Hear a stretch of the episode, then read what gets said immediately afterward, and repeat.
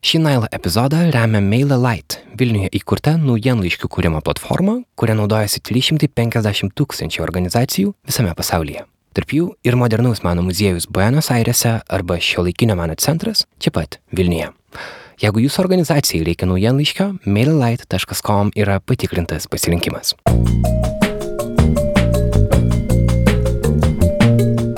Malazijai, Georgetown'e ypač tokio dalyko kaip gatvės menas nebuvo visai. E, nei grafiti, nei gatvės menas, nei žmonės, nei policija nebuvo susidūrę su tokiu reiškiniu. Tai kai aš pradėjau paaišyti, nelabai jam, jam iš tiesų buvo tiesiog įdomu, ką aš tenai darau. Jie neturėjo nusistačiusios kažkokios nuomonės ar įstatymų prieš tai. Tiesiog nebuvo precedento. Jo. Apie Ernestą Zacharevič pirmą kartą išgirdau kaip apie mistinę būtybę.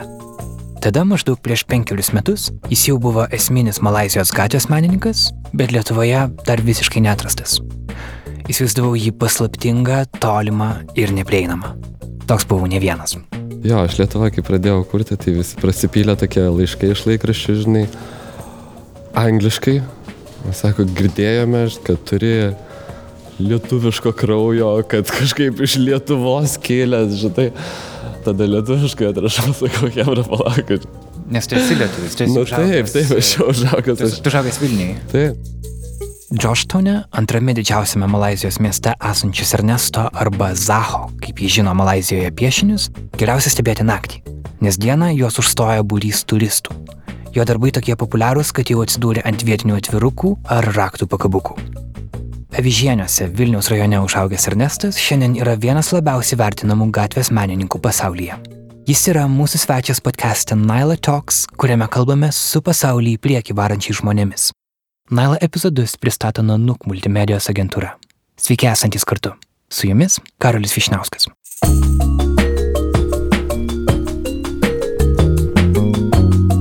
Ernesto darbo aikštelė yra miesto betonas, todėl norėjom jį iš ten bent trumpam ištraukti. Ištraukti į gamtą. Susitikome vienoje žaliausių Vilniaus erdvių - Edukologijos universiteto oranžerijoje. Čia čiulba paukščiai, auga papajos, orchidėjos ir be ne dešimties metrų gal aukštesnė banano žolė. Išmeta atgal man į Malaziją ir Indoneziją visi šitie augaliukai ir temperatūra panaši. Oranžerijos termometras rodo 30 laipsnių karštį, maždaug tiek, kiek šiuo metu yra Georgetown'e. Įsivaizduokime, kad esame šiame mieste, stovime prie apleistos sienos, o prie jos yra prisuktas dviratis. Su tikrais ratais, tikrų rėmų, tikrų vairų, tikras dviratis. Bet jų važiuojantis vaikai yra nupiešti ant šios sienos. Arba kita siena. Šį kartą ant didelio malazietiško namo. Čia didžiulė piešta mergaitė bando pristraukti aukštyn, pakeltas namo langinės, jį laiko tarsi atramą savo. Tai yra tipinė Zaho darbų technika - sujungti realius dalykus ir juos papildyti piešiniais, taip sukuriant visiškai naują prasme. Šie Ernesto darbai sukurti dar 2012 metais, jie jau tapo Georgetowno simboliais ir turistų traukos objektais, nuo jų ir atsispyriau.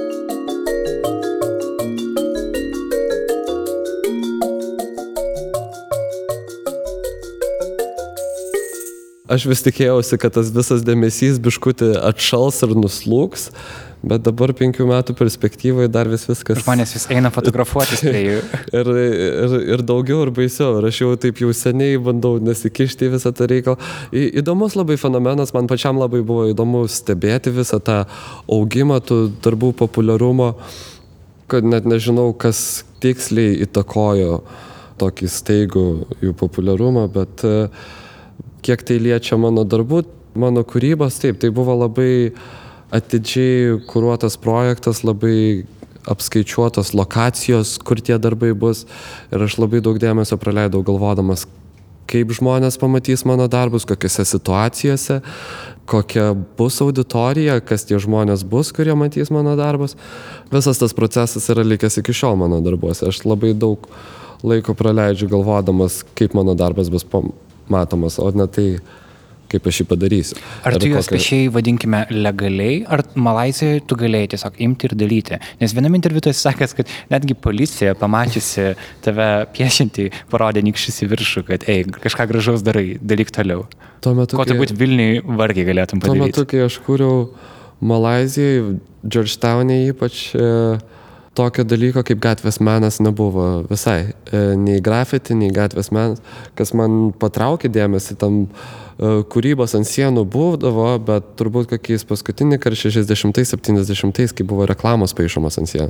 Tačiau e, iš šio laikinės kūrybos mieste nebuvo nei gatvės meno, nei grafiti meno, tai nei, nei publika, nei, nei žmonės, nei policija nebuvo susidūrę su tokiu reiškiniu. Tai kai aš pradėjau paaišyti, nelabai jam... Jam jiem iš tiesų buvo tiesiog įdomu, ką aš tenai darau. Jie neturėjo nusistačiusios kažkokios nuomonės ar įstatymų prieš tai. Um, tiesiog e, nebuvo precedento. Jo. O dabar yra, dabar yra daugiau gatvės mano Džordžtone? Taip, dabar yra tai yra labai populiaru, tai yra labai stipriai reguliuojama iš tiesų, nes tai yra UNESCO teritorija Ir labai daug institucijų dabar kišasi į tą visą procesą. Tai tu faktiškai buvai pionierius. E, jo, tame mieste tai... Nes įdomu, kad tai, atvykai iš Vilnius miesto, kuris irgi negarsėja savo kažkokią gatvės meno kultūrą, kuri atrodo tik dabar pradeda kurtis. Ir tu tarsi atvedėjai gatvės meną į Georgetowną. Taip, kažkaip taip ne, neplanuotai. Jeigu tu pats dabar prieitum prie berniuko su motociklu arba vaikų ant dviračio, ar žmonės žinotų, kad tu esi tas, kuris šitą darbą padarė? Tikriausiai ne. Vietiniai žino, bet e, jau tos vietos pasidarė tokios populiarios, kur vietiniai jau yra nuėję ir nebeina. Dabar Aha. ten tiesiog yra plūsta krūvas turistų iš Kinijos, iš Indonezijos, iš Singapūro. Ir labai daug jų nežino nei, nei iš kur tie darbai atsirado, nei kodėl jie. O tau tai rūpi, kiek tau rūpi e, tavo asmeninis žinomumas, kad aš esu šio darbo autoris, aš esu Ernestas. Ne, ne, man, man tiesiog yra įdomus tas visas reiškinys, kiek, kiek e, pačiam kaip menininkui kiekvienas išėjimas į, į publiką, į viešumą man yra kažkaip toksai savo kompleksų peržengimas, žinai, nėra taip, kad man tai kažkaip natūraliai ateina. Tai net tiesiog, po šitiek metų, nes tu esi ėjęs daug, po šitiek metų. daug viešai kalbėjęs ir davęs ja. daug interviu. Aš tiesiog suprantu. Tu vis tiek jauti baimę. E, aš tiesiog suprantu, kad tai, kad galėčiau daryti tai, ką aš darau, kad galėčiau tai daryti toliau, man reikia komunikuoti su žmonėm, man reikia būti viešai labai daug e, durų yra atidaroma dėl to, kad žmonės mane žino ir pažįsta. Ir aš e, neslepiu, ne, nekuriu tos tokios paslaptingos personos, kuris yra nežinomas ir pasislėpęs ir e, kuria nakčia. Iš esmės tu nesi Banks. Jo. Nors vienas iš pirmųjų tekstų BBC apie tave, tu buvai pramintas Malazijos atsaku į Banksį, kas turbūt tave gerokai prajuokino. Jo, buvo tokių pavadinimų, bet čia iš tiesų buvo dėl tokio vieno darbelio, kurį sukūriau, kur labai daug su valdžia problemų man sukėlė. Ja, Papasakom buvo... klausytėm, kad jie įsivaizduotų, kaip visą tai atrodė. Tu pieši Lego žmogeliukus. -huh. um, vienas ateina iš vienos sienos pusės, tokia tarsi moteris su guči rankinė, -huh. o iš kitos sienos pusės laukia Lego žmogeliukas, kuris atrodo kaip nusikaltelis ir nori pavokti iš jos tą rankinę. Tas darbas buvo sukurtas Johor Baru, miestas giliai pietuose prie Singapūro pasienio. Ten yra uostamestis. Ir iš tiesų tenai aš buvau darbo reikalais tiesiog e, susitikime su, su vienu klientu ir, ir būdamas tenai galvojau, kad reikėtų kažką nupaišyti ir gatvėje. Ir kadangi mano visi darbai labai yra site specific, kaip anglai sako, priklausomi nuo lokacijos. Labai lokacijos įkvepia mano darbus ir įkvepia turinį mano darbų, tačiau būdamas tame mieste aš supratau, kad aš nieko apie jį nežinau, išskyrus tai, kad tenai yra Legolandas, nes tai yra, ką žmonės žino. Tai Malazijos Legolandas yra tame mieste ir kad tas miestas yra, turi aukščiausią nusikalstamumo statistiką. ir, ir, ir tai yra tiesiog du dalykai, kurie, apie kuriuos visi žino. Ir aš galvoju, nu negi tai gali būti tiesa. Ir, ir bendraudamas su vietiniais, ben, e, tiesiog vaikščiodamas gatvėse, visada gaudavau komentarų, kad e, kad atsargiai, kad neik į gatvę tamsoj, kad e, nevaikščiok vienas, e, nešiok kuprinę ant pečių, nenešiok piniginės rankoj, nenešiok mobiliako rankoj, pavoks, primuš, apiplėš, papjaus. Čia buvo dešimt kartų per dieną, man tai būdavo pakartoti. Ja, man, nors vi, visi žmonės, kurie sutikdavo, atrodydavo labai paslaugus ir labai draugiški ir nei vieno nusikaltimo aš tenai būdamas nemačiau, bet vat, būtent ta vieša nuomonė kažkaip, tai aš galvojau, kadangi per daug laiko neturėjau, tai buvo tai labai natūraliai persikėlė į mano darbą visas tas Jo, tai buvo labai fainas darbas ir įdomiausias dalykas, kad po savaitės jį uždažė. Ta siena tapo vėl pilka siena, nes miesto valdžia pamanė, kad tai bus žalinga turizmui, tokia buvo oficiali priežastis. ten, buvo, ten buvo visa istorija. Iš pradžio, iš pradžio visi išsiaiškino, kad darbas buvo padarytas nelegaliai, bet niekas per daug į tai dėmesio nekreipė. Tada singapuriečiai pradėjo važiuoti į, į tą miestą, lankyti tą darbą ir fotografuoti su juo. Tada to miesto valdžia suprato, kad jiem kažkaip negerai Blogas įvaizdis truputį. įvaizdį kelia, nes žmonės iš užsienio atvažiuoja tenai fotkintis. Ir jie nusprendė uždažyti, tada vietiniai iš to miesto sukėlė protestą prie to darbo, kad to darbo neuždažytų, po kelių dienų tą darbą vis vien uždažė. Tada vietiniai priklyjavo replikas to darbo lygiai toje pačioje vietoje. Nu ir tai buvo kokia savaitė tokių įvykių, kuriuos aš labai taip netyčiom praleidau, būdavo, būdamas užsienyje ir jau tuo metu, kai aš atkeliavau. Da, dar kai buvau užsienė, man laikrašiai skambindavo ir prašė mano nuomonę ir panašiai. Ir po savaitės aš nusileidau oro uoste Malazijai ir aš matau žmonės. Čia pirmas toksai buvo dalykas, kurį pamačiau oro uoste. Žmogus su marškinėliais, ant kurių buvo mano citata, kurią aš daviau laikrašiui prieš savaitę. Kas ten buvo parašyta? Kai valdžia nusprendė uždažyti mano darbus, jie sakė, kad e, mano darbai kelia blogą įvaizdį miestui. Ir aš kažkaip į tai atsakiau, kad menas nėra blogas įvaizdis, nusikalstamumas yra. O jau apie ką yra menas yra visai kita tema. Galbūt pamenate, kai kino teatras Lietuva dar buvo nenugriautas ir čia vyko vienas pirmųjų gatvės meno festivalių Lietuvoje. Jis vadinosi Vilnius Street Art ir Ernesto darbas ten buvo kertinis. Ant Lietuvos kino teatro jis nupaišė žaidžiančius vaikus, kuriuos ant virvučių laikė tokias dvi milžiniškos ištiestos rankos. Pastatas dabar nugriautas, bet šito darbo sukelta diskusija vis dar gyva. Žmonės gražėjosi piešiniu, bet baisėjosi grafiti piešėjais, kurie Ernesto pieštas rankas ir vaikus apipaišė savo vadinamaisiais grafiti tagais. Hands off real graffiti arba patrauk rankas nuo tikro grafiti, skelbė vienas iš tagų. Miestiečiai sakė, kad Ernesto darbas buvo gražus, gražus gatvės menas, o grafiti tagai jį išniekino. Bet pats Ernestas dėl to per daug nestresavo, nes jis anksčiau pats pieždavo tagus. Visa idėja gatvės meno yra atiduoti viešas ve- erdves žmonėm, e, individam, nes mūsų visas e, viešas erdvės yra perimtos kompanijų, perimtos organizacijų, perimtos e, reklamos. Ir mes kaip individai nelabai turim vietos ir erdvės saviriškai iš tiesų ir vis mažiau ir mažiau vietos lieka menui, vis mažiau ir mažiau vietos lieka sportui. O man pačiam kaip menininkui, aš labai dažnai sakau, kad aš jeigu norėčiau saugoti savo darbus, tai aš jų tikrai nespaišyčiau ant senų sienų gatvėje. Bet vis tiek, tu įdedi daug širdies, tu įdedi daug laiko. Tikrai taip. Bet būtent su tuo kūriniu ant Lietuvos kino teatro, tai man iš tiesų buvo labai įdomi situacija ir įdomus procesas, nes kai buvo kūrinio konceptas sukurtas, kūrinys buvo sukurtas su, su grafiti menu ant Lietuvos kino teatro, nes Lietuvos kino teatras buvo padengtas grafiti. Ten buvo tiek daug visko saviraiškos e, ant tų sienų ir man tai pats pastatas visada buvo kaip ir e, toksai saviraškos monumentas nuo pat kino teatro uždarimo labai daug žmonių, tiek grafiti menininkų, tiek šiaip žmonių lipo ir e, tas pastatas vis traukia žmonės išreikšti savo nuomonę apie, apie kino teatrą ir tiesiog daryti savo grafiti kūrinius tenai. Ir, ir man tai kažkaip atrodė labai labai įdomu ir įspūdinga ir tas visas e, pastatas labai tokį gilų, žinai, turėjo vietą mano širdį iš tiesų nuo pat pradžių. Ir kai aš kūriau patį dizainą, patį kūri- kūrinio, tai jo kompozicija yra sukurta būti virš grafiti, kuris apsieja apačią viso pastato ir, ir mano kompozicija buvo viršuje. Tačiau, kai atvykau į Lietuvą to kūrinio kurti, keletą dienų prieš pradedant pas, pamačiau, kad pastatas yra visiškai nuvalytas. Jie Savininkų. tarsi paruošė tau aikš, visą aikštelę. Taip, taip nes, nes savininkai turėjo labai daug problemų su savivaldybė, nes jie vis gaudavo, jie turėjo mokėti baudas, jie nenorėjo to pastato uždažinėti, nes kažkas ateis apipaišys vėl ir jie vėl turės mokėti baudas ir panašiai. Bet jie galvoja, kadangi jie pasikvietė mane, jeigu jie tą pastatą nuvaly švariai ir aš kažką nupaišysiu, galbūt mažiau menininkų tenai lips reikštis.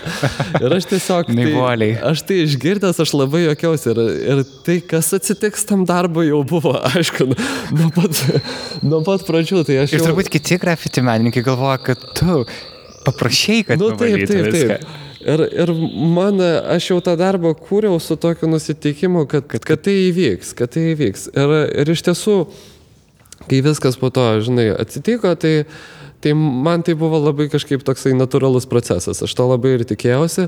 Ir, ir realiai po to, po kokių metų ar dviejų perspektyvas, kai daugiau ir daugiau menininkų vis užsilipdavo tenai išsireikšti, aš pagaliau pamačiau savo tą darbą toj kompozicijoje, kurioje jisai... Originaliai ir turėjo būti. originaliai- suplanuotas. Tai man iš tiesų buvo tas darbas vis gerėjo, žinai, su, su kiekvienu prisidėjimu. Bet žinai, Lietuvoje tada kilo didelė diskusija maždaug gatvės menas versus grafiti. Ir Vilniuje daug apie tai kalbama. Sakoma, kad Vilniaus senamiestis, kaip joks kitas senamiestis Europoje, yra apipaišytas grafiti. Koks tavo požiūris? Tu pats anksčiau tagindavai, ar ne? Tu darai tą grafiti visą žaidimą. Kaip tu iš tai žiūri dabar? Aš sakau, aš iš tokių nuomonių tik tai jokiuosi, nes aš pats esu atėjęs iš tenai. E, Mano pirmi darbai buvo sukurti turbūt, kai man buvo 12 ir jie buvo viešos erdvėse ir jie turbūt tikrai nebuvo tokie tenkinantis akį, kaip yra dabar. Bet be tų darbų tu turbūt nebūtum Bet tų darbų daręs šitų, niekur kuriuos darai dabar. Arti to, ką aš darau dabar, ir tai yra tiesiog procesas, ir tai yra kūrybinis procesas. Tai yra kaip ir gatvės mokykla, tai yra mokykla žmonėm, mokykla menininkam. Ir be tos mokyklos tokio reiškinio kaip gatvės menas šiais laikais, kurį visi labai atvirai priema ir, ir vertina, nebūtų, e, tikrai nebūtų. Bet vis dėlto, žiūrėk, ar nėra pie- piešti gatvėse, kad ir legalius kūrinius, ar tai nėra savanaudiškumas tam tikras, kad štai, tu matai sieną mieste, kurią žmonės visi mato ir tu ateini ir sakai, o dabar aš ant tos sienos jums kažką nupiešiu. Ir jūs visi dabar tai matysit, nesvarbu, ar jūs to norit ar ne. Nes jeigu tu pieštum galerijoje, žmonės pasirinktų, kad, okei, okay, aš einu į galeriją pažiūrėti Ernesto darbus, nes aš priimu tokį sprendimą. Gatvėje žmonės tiesiog yra pastatomi prieš faktą. Ar tai nėra savanaudiškumas? tam A, aš manau, kad tai yra. Iš tiesų visa grafiti kultūra yra pagrįsta ego ir savo vardo platinimu. Bet tai yra išaugę į kažką gražiau nei tai. Aš manau, kad e, labai daug menininkų dabar turi kažkokias etikos normas. Ir e, labai daugelį vietų taip, tai gali būti labai intrusive, kaip anglai sako. Uh, ir e, tai vis vien yra vieša erdvė, erdvė visų žmonių ir kažkaip vienam žmogui, tai pasi... būtent dėl to aš nesu labai kažkaip, uh, man visai neskauda matyti, kai mano darbai būna uždažomi ar uh, man, man tai svarbiausia yra pateikti žinutę tuo metu, tuo momentu ir tuo laiku, ką aš manau į publiką, savo žiūrovam ir kiek tų žiūrovų pamatys, man irgi kažkaip iš tiesų, jeigu paliesiu vieną žmogų, man jau yra pakankamai svarbu. O, o kita vertus, kaip aš jau minėjau, mūsų visos viešos erdvės yra užimtos, užimtos reklamos, užimtos kompanijų, Ja, ir užimtos, e, reklamą dadantys žmonės irgi neklausia. užimtos politikų ir niekas apie tai Miestiečių, ar jie neklausia. nori jas matyti. Ar... E, Niekas apie tai neklausia, kokią tu reklamą ir kada nori tenai matyti. Ir, e, ir iš tiesų mes esame šeriami informacija. Ir jeigu ta informacija ateina ne iš rinkų, o ateina iš individų, iš žmonių, kurie turi kažkokias idėjas ir mintis, kurios siekia giliau negu parduoti tau kažkokį produktą, tai aš manau, kad tai yra teigiamas reiškinys, netgi jeigu tai yra kažkiek yra, turi, žinai, kaip, kaip ir grafiti kultūra turi kažkokių neigiamų aspektų, man atrodo, tai būtent tas pasipriešinimas e, ir perėjimas e, viešų erdvių į žmonių rankas yra labai svarbus ir man atrodo, kad žmonės turėtų reikštis kuo daugiau viešai rodyti, ką jie moka daryti, ką jie gali daryti ir kas jiem rūpi. E, Ir ypač tokie menininkai, kurie e, užsilipo ant Lietuvos kino teatro ir ne, nebūtinai tiesiog užpaišo kažką, kad kažką pagadinti, bet turi kažkokią žinutę, kažkokius įsitikinimus ir kažkokias idėjas, kurias jie nori skleisti. Man atrodo, tai yra meno esmė, ne tai, kaip tai atrodo ir kiek tai mus e, vizualiai ir emociškai tenkina, o tai, kai yra ką tie kūriniai mums sako ir kaip jie mus paveikia ir ką mes iš to paimame ir, ir kaip naudojame savo gyvenime. Oranžerijos karštis pamažu tampa nevarginančiu, o maloniu, o Ernesto pozityvumas ir toks polėkis tikrai užkrečiamu. Ir šie du dalykai yra susiję. Interviu tinklalapiui Time Out Ernestas Lietuvą buvo apibūdinęs kaip šalį, kurioje 9 iš 12 mėnesių yra šalta ir depresyvu. Jis norėjo šį išvykti. Iš pradžių išvyko į Londoną ir tada jau atsidūrė Malazijoje. Besiruošdamas susitikimui su juo radau Ernesto susitikimo su Malazijos moksleiviais įrašą.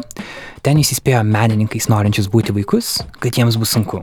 Jums truks pinigų, jūsų tėvams nepatiks jūsų gyvenimo kelias. Ir tada jis papasakojo savo patirtį kad į Malaziją atvyko turėdamas pinigų dviem savaitėm į priekį. Nedaugiau. Man tai pasirodė labai įdomu. Paklausiau Ernesto apie jo požiūrį į pinigus. Man visada net azartas toks būdavo bandyti išgyventi su mažiau pinigų, žinai. E, ne tai, kad aš save specialiai statydavau į tokias situacijas, bet aš niekada ne, nebijojau likti be pinigų. Ir e, manau, kai žmonės neturi pinigų, tai skatina labai kūrybinį mąstymą Ir man pačiam kaip menininkui tai būdavo labai įdomu tiesiog išmastyti situacijas, ką aš dabar darysiu ir kaip aš išsisuksiu. Jeigu, jeigu nebus pinigų, kaip aš išsisukau, aš kokius metus praktiškai žongliravau gatvėje. Žongliravai kuo?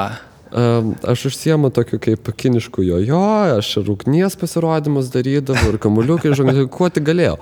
Viena tai, kad tai man labai patinka ir tai, mėg, tai yra tai, ką aš mėgstu daryti. Kita tai labai linksmina publiką. Ir, mankšta gera turi būti. Gera mankšta. O trečia, kad tai man užimdavo dvi valandas per dieną. Kad aš pragyvenčiau, kai aš gyvenau Londone, man už, aš dirbdavau po 12 valandų per parą, kad susimokėt nuomą. Ir tada buvo pirmas kartas, kai aš neturėjau pinigų, neturėjau darbo ir turėjau daug laiko ir aš pradėjau žongliruoti.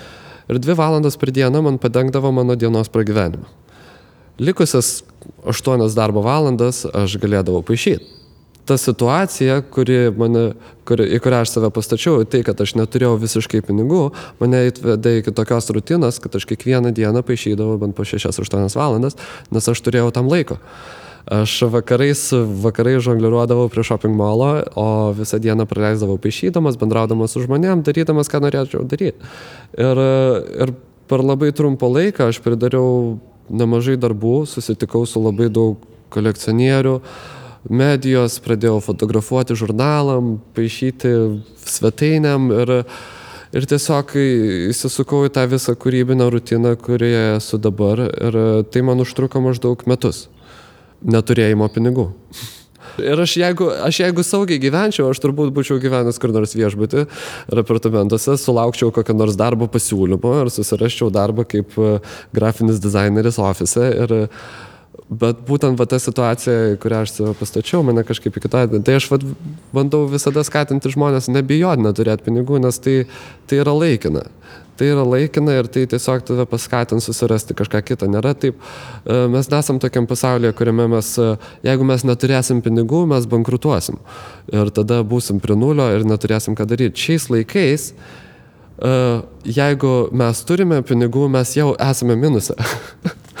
mes gyvename tokioj visuomeniai, kur, kur visi yra skoloj. Tai žmonės, kai nusprendžia turėti pinigų, jie save pastato į skolą ir, ir dirba visą gyvenimą tą skolą atiduoti. Tai neturėti pinigų nėra blogas dalykas. Jeigu mes esame prie nulio, mes kažkaip iš to išsikrapštysime.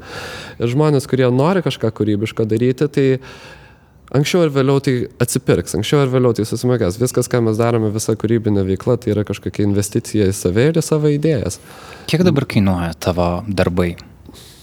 Labai sunku pasakyti iš tiesų. Nuo, nuo formato, nuo rinkos ir nuo situacijos. Įsivaizduokime, aš esu kolekcionierius, kuris kolekcionuoja gatvės meną. Tavo darbai turbūt yra tarptų, kuriuos įsigyti yra sudėtingiausia, nes tavo statusas visoje gatvės meno uh, rinkoje, jis yra labai aukštas. Aš, e, aš savo darbus laikau labai ribotus ir jie tikrai yra prieinami labai tokiam ribotam skaičiu žmonių, dėl to, kad e, mano kūryba labai daug reikalauja keliavimo, labai daug yra viešų darbų, kuriuos aš darau savo malonumui ir darau nemokamai, labai daug projektų, prie kurių aš dirbu. Tai realiai man lieka labai mažai laiko kai aš galiu kurti kažką, kas būtų taip suformuota ir parduodama. Dėl to ta rinka yra tokia gana ribota. Mm, bet aš linksiu link to, kad daug kas šitam kontekste atsimena Banksy pavyzdį, kurio mhm. darbai yra parduodami už tūkstančius. Ir tada atrodo, kokia yra idėja. Vis dėlto jis, gatvės man iš savęs yra anti-establishment, ar ne, mhm. antikomerciškas, bet jis tapęs tokiu didžiuliu reiškiniu, kad čia sukasi daug pinigų. Kaip tu pats tai žiūri, kaip to pavyks neparsiduoti? Taip, tai yra labai didelė rinka šiuo metu, pasidarė kaip ir industrija. Iš tiesų bandau nesikišti per daug į, į, tą, į tą ratą. Tas ratas yra labai uždaras, tas mechanizmas visas gatvės meno, gatvės meno rinkos, tai yra tiesiog e, keletas tų didžiulių mūgių ir, ir renginių, kur visi pasireiškia parsiduoti ir iš tiesų galima taip labai lengvai to vengti. Taip visada reikia, žinai, visada reikia kažkokių pajamų ir kažkokio, žinai, kažkokas leistų man tai daryti toliau ir panašiai. Dėl to yra, kaip, žinai, kaip sakiau, yra toksai uždaras ratas pirkėjų, uždaras ratas mano fanų ir, ir žmonių, kurie, kurie prisideda ir prijaučia. Ir, ir iš tiesų mano kolekcionieriai ir pirkėjai yra tokie žmonės, kurie kurie buvo tenai nuo pat pradžių, kurie man padėjo nuo pat pradžių. Tai, Tokie true fanai, o ne jo, tiesiog labai, labai ma, dažnai, pagūti. jo, labai dažnai tai vyksta netgi tokie, žinai, barterio reikalais, kai kažkas yra pagelbima man ir tada jie gauna darbus. Ir tiesiog taip, aš turiu, aš turiu menedžerę, su kuria dirbu jau turbūt tris metus. Ja kuri prižiūri mano reikalus ir mano rinką. Mm. Ir prižiūri mane iš tiesų pirmą reikalą. o tave sunku prižiūrėti? ne, nu, kad tiesiog ne, nenugribaučiau ir nenureikalaučiau, nes, nes aš tiesiog, kad nepasiduočiau, aš bandau nesikoncentruoti ties savo finansiniam pajamom ir finansinę reikšmę savo darbų. Žinai, man svarbiausia vis vien yra kūryba ir mano darbai ir mano idėjos, ir aš kažkaip prie to koncentruojuosi, bet tiesiog kartais būna situacijos, kai aš prasėdžiu su matrui pusę metų ir tada mano menedžerė būna, dar liko pusę metų išgyventi kažkaip. Žinai, tai kažkas turi visada mane prižiūrėti ir laikyti už pavadžių, tai jo. Primenu, kad šį Nile epizodą remia MailerLite, naujienlaiškių kūrimo platforma, kuria naudojasi 350 tūkstančių organizacijų visame pasaulyje. Biure Vilniuje yra ne tik daug kompiuterių ir talentingų programuotojų, bet ir šio laikinio meno darbų kolekcija. Gera sutikti verslus, kurie vertina meną. mailalight.com yra jų adresas. Sumatra yra kodinis žodis norint suprasti dabartinę Ernesto kūrybą. Ši Indonezijos sala yra. Tropinė sala, bet kad žmonės pamiršta, kad jinai, kad jinai yra labai didelė sala plotų praktiškai prilyksta Prancūzijai. Tai nėra kažkas e, mažytė tropinė salelė, kur auga palmės ir yra orangutangų, kurias reikia gelbėti. Sumatroje Ernestas vykdo Splash and Burn, grandioziškiausią savo projektą, siekiant atkreipti pasaulio dėmesį į čia masiškai deginamus miškus. Indonezija yra didžiausia pasaulio palmių aliejus gamintoja, tačiau tai turi savo kainą. Norint sodinti naujas palmių plantacijas, reikia daugiau erdvės miške ir greičiausias būdas tai padaryti vadinasi slash and burn. Tiesiog mišką padegti ir užsėti naujai. Tokia taktika turi baisias pasiekmes. Miško gaisrai sukelia rūką virš Indonezijos, Singapūro ir Malazijos. 2015-aisiais per ypač didelį gaisrą 500 tūkstančių žmonių susirgo plaučių lygomis arba žuvo. Oficialiai slash and burn miško deginimo būdas yra uždraustas, tačiau jis reguliariai pasikartoja. Aš į Malaziją atsikrašau 2010 ir tas rūkas visada tenai yra ir man vis kažkaip keista būdavo, žinai, kad vis tik aš gyvenu saloj, šalia nelabai yra didelių miestų ir vis, vis užeidavo smogas ir aš esu pripratęs prie smogo miestuose gyvendamas, Londone gyvenama ir ten viskas yra suprantama, iš kur tas smogas ateina ir kodėl, bet būnant kažkaip tropiniam klimatui ir saloj, kur nėra miesto aplinkui, vis kildavo toksai klausimas. Ir kai, kai tai klausdavo žmonių, visi kažkaip sakydavo, ai, Indonezija. Maždaug tie ir būdavo daugiausia, kiek žmonės išaiškindavo. Tiesiog Indonezija ir iš tenai. tenai Nes Indonezija kažkas... yra greta Malazijos. Ja, Indonezija yra greta Malazijos. Tai, žinai, kažkaip niekas per daug neaiškindavo bet vis pačiam būdavo įdomu, žinai, tai aš pasiskaitydavau, pasižiūrėdavau, kas ten vyksta ir kodėl. Ir kiekvienais metais tai pasireiškia ir kiekvienais metais kažkaip žmonės su to taip ir gyvena. Kelis mėnesius per metus būna tiesiog oranžinis dangus, piški biškai pakosiai ir, ir praeina, nu, nebūna taip, kad ten pastoviai tokia situacija. Jeigu ten vėjas iš tos pusės arba mažiau vėjo. Bet aš esu matęs ten, nuotraukas, ten, atrodo kaip iš kažkokio mokslinės fantastikos jo, filmo. Jo, jo. Tai yra tiesiog toks visa apimantis rūkas. Taip, taip, taip. Kad netgi oro uostai kartais yra uždaromi dėl to. Tai Mokyklos yra uždaromos. Ir e, 2015 metais buvo kritiniai metai, vienas iš tokių blogiausių metų per paskutinį dešimtmetį, kai buvo labai ilgas karštasis sezonas. Tie gaisrai išsitęsė ilgiau negu paprastai. Ir tada buvo paskelbta emergency situacija e, daugelįje miestų. Singapūrė ypač, ir jau kai, kai būna blogai Singapūrai, tada jau žino ir visas pasaulis. Šiaip iš tiesų, kol smatra dega, ten nelabai kam rūpi. Um, bet, bet kai Singapūrė uždaro oro uostą, tada jau visi žino. O tada kažkaip pereina per žinias, per viską. Ir turbūt nuo 2015 man ir buvo tokia mintis, kad kažkas turi būti daugiau daroma negu yra. Kad žmonės apie tai kalba, bet niekas nieko nežino iš tiesų ir netgi žmonės, kurie ten gyvena, jie labai... Uh, ne, nėra tai, kad jiem neįdomu, bet daugelis informacijos yra neprieinama. Uh, labai daug informacijos yra neprieinama, nepaaiškinta, labai daug klaidingos informacijos medijoje. Tada po 2015 metų prasidėjo visi tokie, žinai, kaltinimai ten tarptautiniai, ten valdžios vieni kitus kaltina, kompanijos vieni kitus kaltina. Uh, E, nieks nieko per daug neišsiaiškina, bet tiesiog va, tai va pasibara visi, žinai, o, o sprendimų kažkokių nebuvo padaroma, bet kalbant, žinai, apie mases ir apie visą publiką, kad nelabai žmonės, kurie ten gyvena, valdžia kažkaip priema tos sprendimus, bet žmonės, kurie ten gyvena, jie nelabai turi balsą, nes jie nelabai ką žino apie tai, o ypač žmonės užsienyje. Ir tai, kai kai to būna tokios katastrofos, kai 2015 metais tos katastrofos paveikė visą pasaulį. Indonezija buvo žin, trečia pagal e, išmetamųjų dujų kiekį pasaulyje, nors jos, žinai, pramonės rinka ir industrija yra žymiai mažesnė negu US ir, ir Kinijos. Turiu menį pagal tai, bendrą skaičių, kiek šalyje yra išmetama dujų. Taip, wow. tai būtent dėl tų gaisrų. Tai kai, kai Kinijoje, Indijoje arba Junktinėse valstijose visos e, CO2 išmetamų dujos būna sukeliamos pramonės, tai yra kažkas gaminama iš to, tai yra visi fabrikai, mašinos, yra, yra kažkas produktyvaus, ten yra tiesiog, tiesiog deginama palmių aliejaus industrija yra tiek išplitus, kad tai yra kiekviename produkte. Ar mes tai žinome? Net ne? šokolade yra. Um, ne, sausainiuose. Net šokolade ir sausainiuose tai yra labai, labai toksai akivaizdus pavyzdys. Mūsų dantų pastos ir šampūnai ir, ir muilai, ir plovikliai, ir sausainiai, ir bulvytės free, kurias mes valgom, al, daržovių aliejus. Uh, Europoje gerai, mes dar daug saulėgražų aliejaus turim, kuris yra, nėra nieko geresnė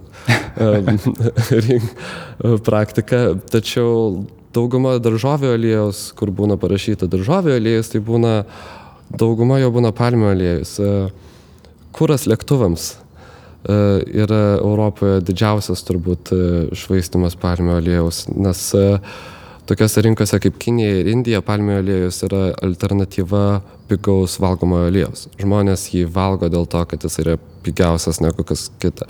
Tai iš tiesų, žinai, skatina, padeda kovoti su, su badu ir panašiai. Kai kuriuose, kai kuriuose miestuose ir vietose tai yra tiesiog būtina netgi, kad turėti tokį produktą, kurį žmonės gali įpirkti ir naudoti kasdien. Tačiau rinkose kaip Europoje mes palmių aliejų deginame lėktuvų kūrui, tarkim. Ir tai yra vadinama biokuru, tai yra vadinama ekologišku kuru, nes tai ateina iš augalų. Mm. Bet e, tas visas procesas, kaip tai yra pagaminama ir iš kur tai ateina, yra taip e, ramiai nutylimas. Splash and Burn projektą Ernestas vykdo su dešimčia kitų gatvės menininkų iš vakarų pasaulio. Amerikos, Britanijos, Norvegijos ir kitų šalių. Jų darbai atsirado miestuose, miškuose, plantacijose Įsivaizduokit, matote sieną, greta jos daug tikrų žalių medžių ir po jais matai didžiulę ugnies masę. Ir vieną bežionę, lipančią šiais medžiais ir norinčią išsigelbėti. Kol kas ugnis yra piešta, bet greitai visą tai gali būti tikra. Ernestas tiki, kad tokie meno vaizdai gali paveikti žmonės labiau negu užrašyti faktai ar prieš akis duota statistika. Mūsų technologijų eroj, socialinių erdvių eroj teritorija kaip ir prarado reikšmę. Menas nebėra menas kažkoje erdvėje, nes e, kuriant meno gatvėje tavo kūrinį pamatys šimtas žmonių per dieną, du šimtai žmonių per dieną. Galbūt daugiau, galbūt mažiau, kai kurie darbai yra gana paslėpti ir jų niekas nemato iš vis, bet tačiau socialiniai erdvėjai mes galime pasiekti milijonus. Jums tas realiai pavyko. BBC padarė reportažą apie uh, Splash and Burn, jis buvo per porą pirmų savaičių peržiūrėtas milijoną kartų Facebook'e, pasidalintas kokius, kai tikrinau, paskutinį kartą buvo 4500 pasidalymų. Tai atrodo, kad pavyko, pavyko pasiekti žmonės kažkaip e, nėra tokio rodiklio, kuris, kuris parodytų, kad tai yra ček ir padaryta ir ja. įvykdyta, bet, e, bet medijos e, žiniasklaida buvo mūsų vienas svarbiausių tokių dalykų, prie kurių mes koncentravome šiame projekte, nes stichinės nelaimės, jau tokios kritinės situacijos su, su gaisrais Indonezijoje pasireiškia, sakykime, kartą per dešimt metų tačiau tie gaisrai niekur nedingsta kas metus, o blogiausia yra tai, kad e, didžiausia problema industrijoje nėra gaisrai. Gaisrai yra kaip ir tokia pasiekmė, apie kurią žmonės kalba, bet tai yra labai daug didesnių ir blogesnių ir tamsesnių dalykų, kurie, kurie vyksta um, gamtosaugos klausimų Indonezijoje ir jie vyksta nuolatos. Ir uh, dabar po 2015 metų vyriausybės ir, ir, ir kompanijos labai stipriai kovoja su gaisrais, nes tai yra rodiklis, kuris uh, patraukia tarptautinę žiniasklaidos dėmesį, nes jeigu nebūna gaisrų, tai nebūna žiniasklaidos. Tiesiog e, Singapūrė būna uždaromas oro uostas ir, ir niekas e, tuo per daug nesidomi ir ne, nerašo apie tai. Tai mums pateikti visą šitą, visą šitą žinutę ir problemą į žiniasklaidą tarp katastrofos epizodų, nes epizodai pasireiškia kas dešimt metų. Ir kas dešimt metų žmonės kalba, va, kaip čia buvo blogai, ir kas dešimt metų e, valdžia sako, tai buvo paskutinis kartas, kai tai vyksta, nes mes su tuo labai svarkiai kovojame. Ir kitais metais būna viskas ramiau ir visi sako, va, matote, kaip viskas vyksta ir kaip viskas gerėja pas mus ir po dešimt metų vėl bus katastrofa nes viskas aprimsta, žmonės mažiau apie tai kalba, žiniasklaida mažiau apie tai rašo ir visi galvoja, kad problema dingo ir industrija klesti taip ir toliau, kaip ir klestėjo. Tai mūsų kažkaip ir tokia mintis buvo, kad e, krūtinti visą reikalą ir žadinti visų susidomėjimą uh, tą industriją ir, ir kur jinai keliauja šiuo metu tarp katastrofų kiekvienais metais pastoviai, dėl to visas projektas vyksta labai lietai, mes uh, nuolatos darome naujų darbų, nuolatos viešiname naujų darbų. Jis nėra bandome, dar baigtas. E, jis toli gražu dar nebaigtas, ne. Ernesto idealaus pasaulio vizijoje žmonės turėtų matyti save ne kaip atskirose valstybėse gyvenančius ir tik savo reikalais besirūpinančius individus, bet jie turėtų būti kaip globali bendruomenė. Tarkim, perki marškinėlius drabužių parduotuvėje Vilniuje, jie kainuoja vos kelis eurus, bet tada turi suprasti, kad kažkas Bangladeše juos siuva už visiškai centus, kad viskas yra susiję. Arba, jeigu valgai sausainį su palmių aliejumi, turi pagalvoti, kiek daug oro buvo užteršta, kad tu šį sausainį galėtum valgyti. Tai yra logiška ir graži idėja. Klausimas, kaip tai padaryti. Man atrodo, svarbiausia yra skatinti ir kelti žmonių moralę, žmonių supratimą, kad kiekvienas jų veiksmas turi kažkokią pasiekmę. Ir mes, mano nuomonė, mes labai dažnai esame atsiriboję nuo pasiekmių. E, visi kažkaip, būtent dirbant va, prie šito projekto pastebėjau, kad labai daug kas bando grupuoti blogus žmonės ir gerus žmonės. Kažkas, kas daro kažką blogai, va tie visi, kurie nesupranta kažko ir daro viską blogai, ir va tie va geri žmonės, kurio Kaip jūs, jūs, jūs esate geri žmonės. Jo, va, labai dažnai gaunu iš menininkų tokių nuomonių, kad va, jie čia prisideda ir va, jie jau yra geri mano nuomonė, visi turi potencialo būti gerais, visi, visi turi potencialo daryti kažką geriau negu jie daro, jie nebūtinai daro iš kažkokių blogų keslų. Man atrodo, kad e, mūsų, mūsų laikotarpiu dabar šiuo metu daugiau negu bet kada anksčiau mes turime labai didelį trūkumą žiniasklaidos ir informacijos. Kas yra ironiška, tokiam amžiui, kur viskas yra visa informacija yra prieinama ir viskas gali būti sužinoma sekundžių e, reikalų iš telefono, žmonės e, domisi viskuo mažiau nei bet kada anksčiau. nes tiesiog yra informacijos perteklius. Ir, ir mes labai dažnai esame atriboti nuo, nuo to, ką mes darome, nuo pasiekmių, kurias mes keliame. Labai daug žmonių yra tokios nuomonės, kad e, jeigu mes apie tai nežinome, tai yra taip atitolę nuo mūsų, kad mes neturime kažkokių e, galimybių apie tai sužinoti ar kažką pakeisti, bet, bet tai, nėra, tai nėra tradicija, tai nėra kultūra, tai yra naujas reiškinys. Tai šios industrijos gyvuoja paskutinis 20-30 metų e, tokiu būdu, kokiu jos egzistuoja dabar.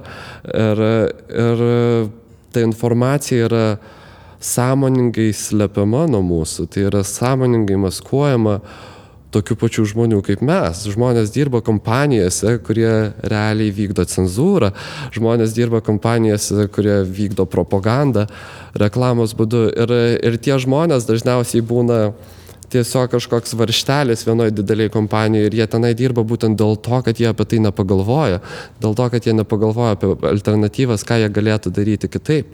Čia, čia liečia visas industrijas, o svarbiausia ir turbūt ryškiausia matosi finansų industrijoje, bankininkystėje, iš kur pinigai ateina, į kuriuos bankus mes pinigus dedame, kur, kur tie bankai deda mūsų pinigus. Žmonės atiduoda pinigus bankam nepagalvotami apie tai, kur jie yra yra investuodami ir kas iš jų yra daroma.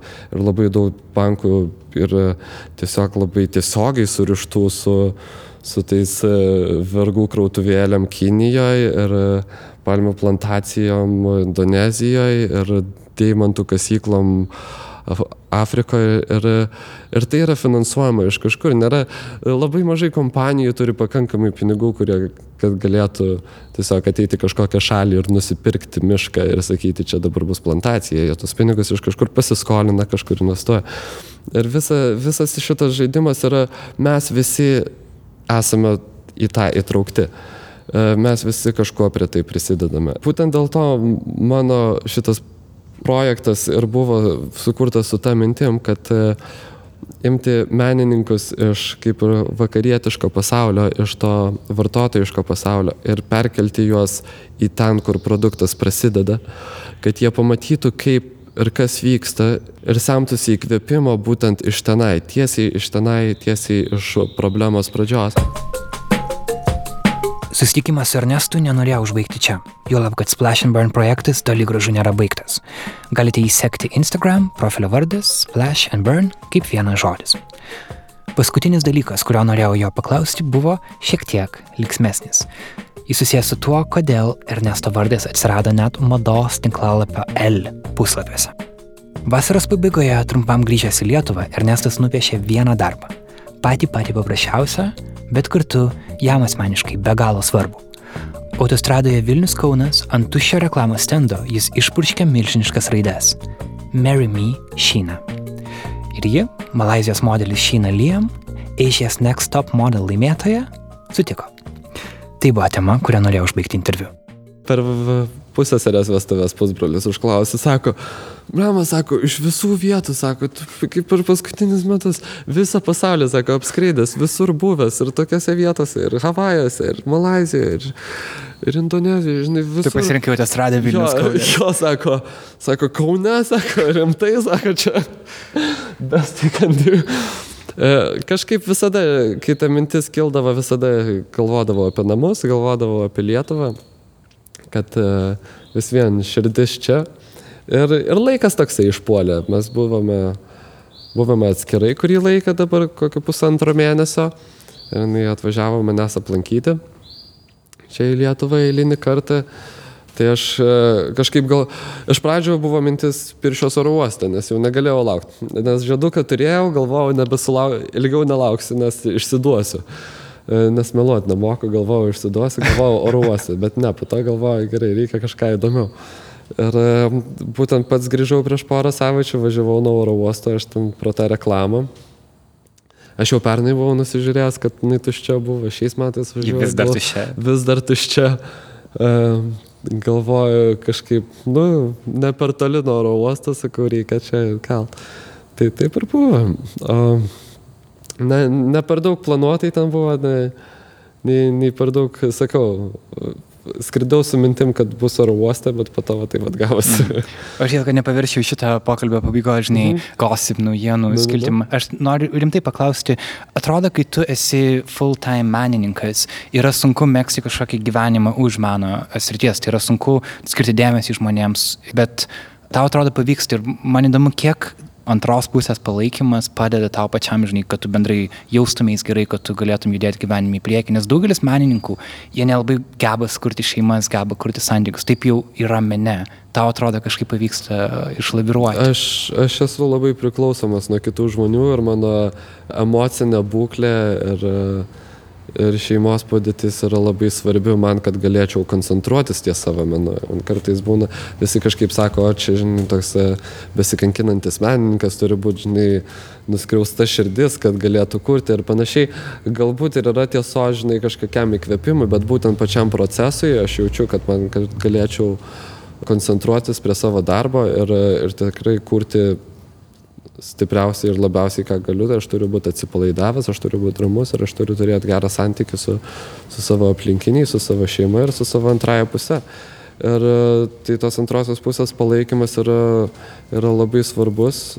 Nesakau, kad, žinai, menas nevyktų be to, bet, bet mano rutina ir mano gyvenime tai yra, tai yra labai svarbi dalis, manau. Ir, ir aš manau, kad mes esame vis viena kažkoks vidurkis visų žmonių, su kuriais bendraujame. Visi žmonės negimsta skirtingi, žmonės užauga skirtingi ir tai, kokie mes užaugame ir kas iš mūsų gaunasi, priklauso nuo kitų žmonių aplink mus. Ir kažkaip, man atrodo, teigiamai veikti kitus žmonės aplink save yra lygiai taip pat svarbu, kaip turėti teigiamų žmonių aplink save. Labai gerai citata norėčiau ją ant Maikės užsirašyti. ačiū tau labai, Ernestai. Nu, ačiū. Jėga. Ačiū tau. Ačiū. Aš dabar... Turi lėkti, ne? Paskambinsiu dantistai, paklausiu, kiek, kiek skubiai turiu lėkti. O, Ernas, tu turėjai pas dantistą šiandien? jo.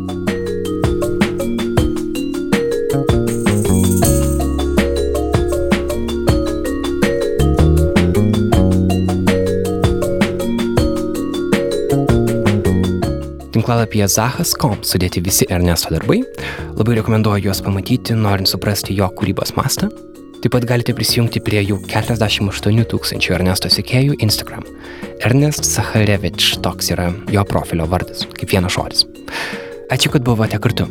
Šį nailą epizodą, kurią nukeltė komanda, jį rengiau ir montavau aš, Karolis Višniauskas. Mūsų garso režisierius ir muzikos autorius yra Martinas Gailius iš Sodas Sounds. Nailo logotipo dizaineris yra Tomas Balnys.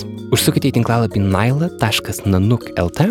Ten rasite podcast'o kūrimo užkulisių nuotraukas, dalytas Bertos Tilmantaitės ir Mindaugo Drigoto. Taip pat rasite ir mūsų nulinį epizodą, kur mūsų komanda kalbasi apie podcastus, kas tai yra, kuo šis formatas yra įdomus ir kodėl mes tikim, kad Lietuvoje jis prigys. Jeigu jums patiko šis epizodas, prisidėkite prie Nailo kūrimo Patreon platformoje adresu patreon.com nanuk multimedia, kaip vienas žodis. Podcastą rengiame nepriklausomai, tad jūsų palaikymas yra labai labai svarbus. Ačiū naujausiams Nailo rėmėjams Patreon, Julijai Bagdonaitį, Dominikui Gabrieliui, Ekliai Vandenio, Doviliai Vaičiulytei, Ingai Janulytei, Laimai Namajūnaitai, Rasai Siminaitai, Ingai Tuliševskaitai, Linai Vonsevičiūtai, Adomui Poltanavičiai. Jūs yra labai labai daug ir mes to be galo džiaugiamės. Naujas Nailo epizodas jūsų lauks kitą ketvirtadienį, 12 val. nukeltą tinklalapį, taip pat iTunes ir jūsų telefono podcastų programėlėje, kad ir kokią ją naudojate. Ačiū, kad klausote ir esate kartu. Greitai sustiksim. Iki.